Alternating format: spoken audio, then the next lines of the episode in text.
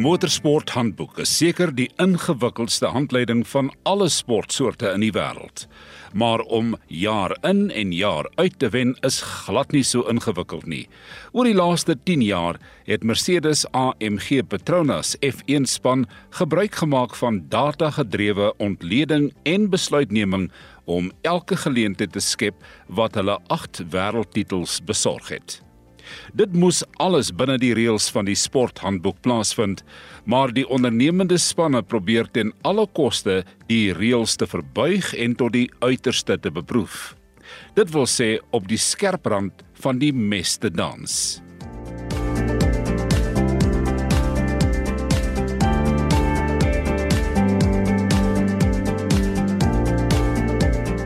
Daar het vanjaar 10 spanne ingeskryf om deel te neem aan die seisoen. Elke span skryf 2 motors onder hulle spantitel Mercedes AMG F1 span of Red Bull Racing, Scuderia Ferrari, McLaren, Alfa Tauri, Alpine F1 span, Aston Martin F1 span, Williams F1 span, Alfa Romeo Racing en Haas F1 span. Elke span skryf 2 renjaars in. Die groot spanne skryf 'n hoofrenjaer in met 'n ondersteunende renjaer, terwyl die kleiner spanne twee renjaars inskryf met die idee om hulle span te ontwikkel. Almal wil natuurlik 'n super talentvolle renjaer in hulle span hê, maar begrotingsbeperkings tussen die spanne bepaal die talent wat hulle kan kontrakteer. Vir die jaar 2021 was daar 'n begrotingsplafon van 145 miljoen dollar, gelyk aan 2 miljard 313 miljoen 406 duisend rand. Dit sluit bemarkingskoste en renjaarsalarisse van die 3 hoogsbetaalde kontrakteurs uit. Voorts moet die renjaer met 'n begroting by die span opdaag, soos daar eenvoudig gestel word. Hy moet sy sitplek koop en dis 'n praktyk so oud soos die sport self. Dit is basies om die span finansiëel te help. Van die gelde wat Renia saambring na die span kom van finansiële borgskappe wat ook soms ryk familielede kan wees. In die geval van Lance Stroll se pa, Lawrence Stroll, wat beleggings- en spaneienaar van Aston Martin is. Nicholas Latifi se pa byvoorbeeld, Piero Ferrari, Nikita Mazepin se pa. Die lys is oneindig. Op die tegniese vlak is daar 'n paar afdelings. Eerstens, die motor self wat bepaal word deur die FIA Formule 1 handboek. Alle motors moet aan die spesifikasies voldoen. Die motor word klaar gebou en getoets en daar word begin deelneem. Maar dis nie waar alles eindig nie. Die motor word ook vir die res van die seisoen ontwikkel. Dit is 'n nimmer eindigende proses en die spanne werk 120% aan die huidige sowel as die motor vir die nuwe seisoen. Daar word tans in 'n 1600 hibriede enjin deelgeneem.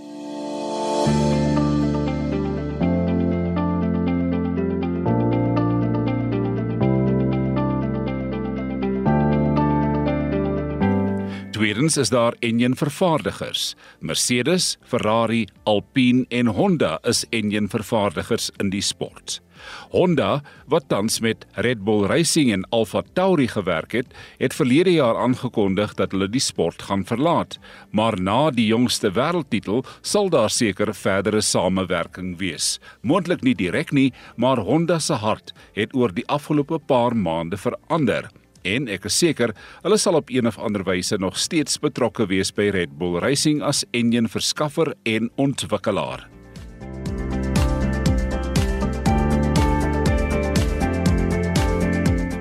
Derdens is daar bandeverskaffers. Slegs 1 en Pirelli het tans die kontrak met Formule 1 en hulle ontwikkel die bande in samewerking met die FIA en Formule 1. Daar word gewoonlik bande ontwikkel vir alle omstandighede. Kleur gekodeer van jaar vir nat omstandighede, blou vir 'n heeltemal nat baan, groen vir intermediêr of inters, dis nou wanneer die baan nat en droë dele bevat, en dan vir droë dae. C1 tot C5. Dit staan bekend as compound 1 to compound 5. Kleurkodes is wit, geel en rooi, met die wit die taaiste band, die geel die meer aanpasbare vir beide omstandighede en die rooi die sagste van die 5.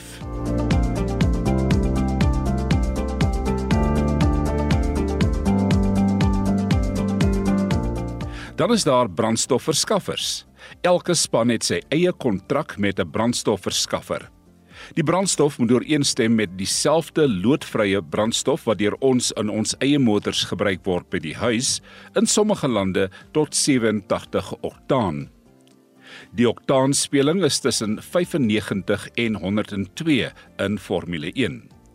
BP Castrol, Shell, Petronas en Mobil was oor die jare petrolverskaffers en is nog steeds.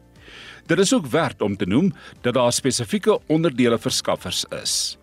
Onderdele moet aan sekere standaarde voldoen en om aan die standaarde te voldoen, word die onderdele tot by die skroefies en moertjies deur sekere kontrakteurs vervaardig. Daar is ook gereedskapsverskaffers oor dieselfde rede om aan standaarde te voldoen, vanaf domkragte, moersleutels en meeste gereedskap gebruik tydens 'n Grand Prix.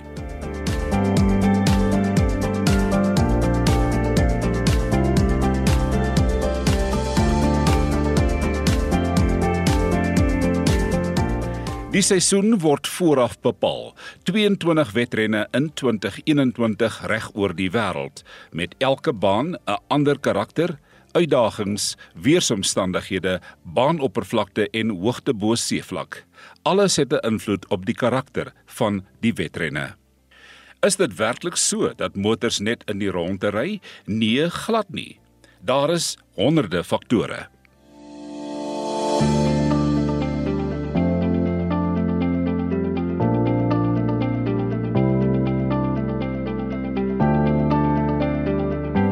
Grand Prix vind oor 3 dae plaas. Dag 1 om die motor voor te berei met twee oefensessies. En daar word gekyk na alle fasette: telemetrie, beste balans, hoe die bande reageer, voltank situasies, werking van die motor met lae tank lading en die vinnigste spoed wat die motor kan behaal op die spesifieke baan. Dit is 'n kombinasie van die motor en die renjaer se vaardighede.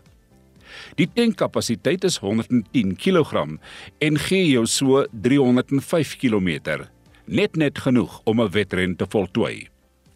Die kapasiteit is in 2019 vanaf 105 tot 110 kg vergroot sodat die renjaers hulle motors tot maksimum werking kan gebruik tydens 'n wedren.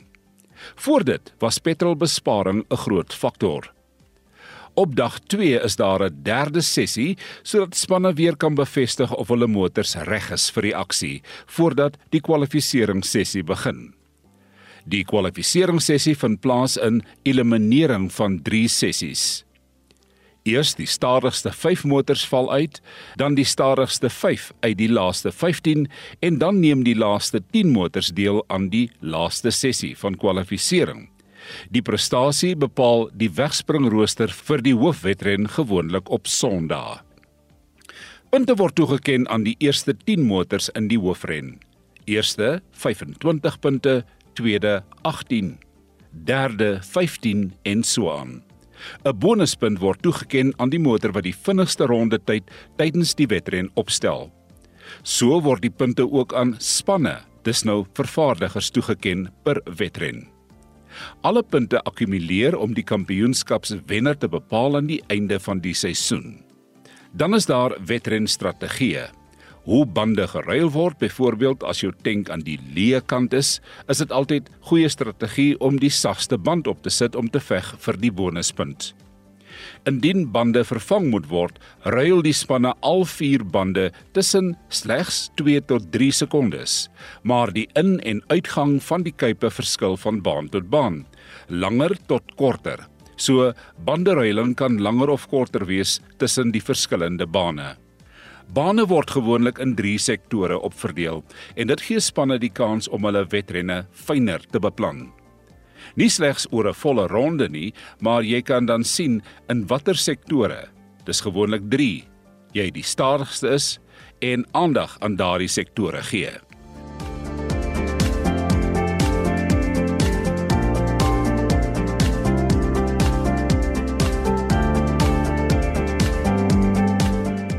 Vanjaar is die laaste jaar van die huidige regulasies en volgende jaar in 2022 tree nuwe regulasies in plek.